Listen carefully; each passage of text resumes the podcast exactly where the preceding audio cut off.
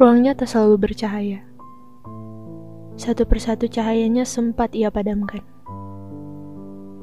Gelap. Ruangan itu terasa semakin hampa. Tapi ia nyaman berada di sana. Sendiri lebih baik katanya. Tak perlu repot memikirkan ekspektasi orang lain akan diri. Tak perlu juga menaruh harap pada raga yang lain. Agar tak berkawan dengan rasa kecewa.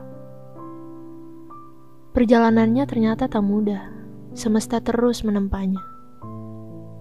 Sempat berkawan dengan gelap, ia buktikan bahwa gelap tak selamanya tersesat. Dan yang berbeda mengajarkanku bahwa hidup tetap harus berjalan, baik didukung semesta maupun tidak. Katanya, tak apa jika kamu jatuh, tapi jangan lupa untuk bangkit. Tak apa jika kamu merasa terpuruk, tapi jangan lupa untuk tetap bersyukur.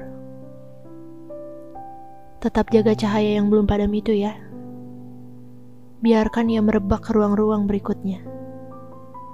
Karena aku dan orang-orang terdekatmu tak ingin kamu kembali ke dalam pelukan masa lalu.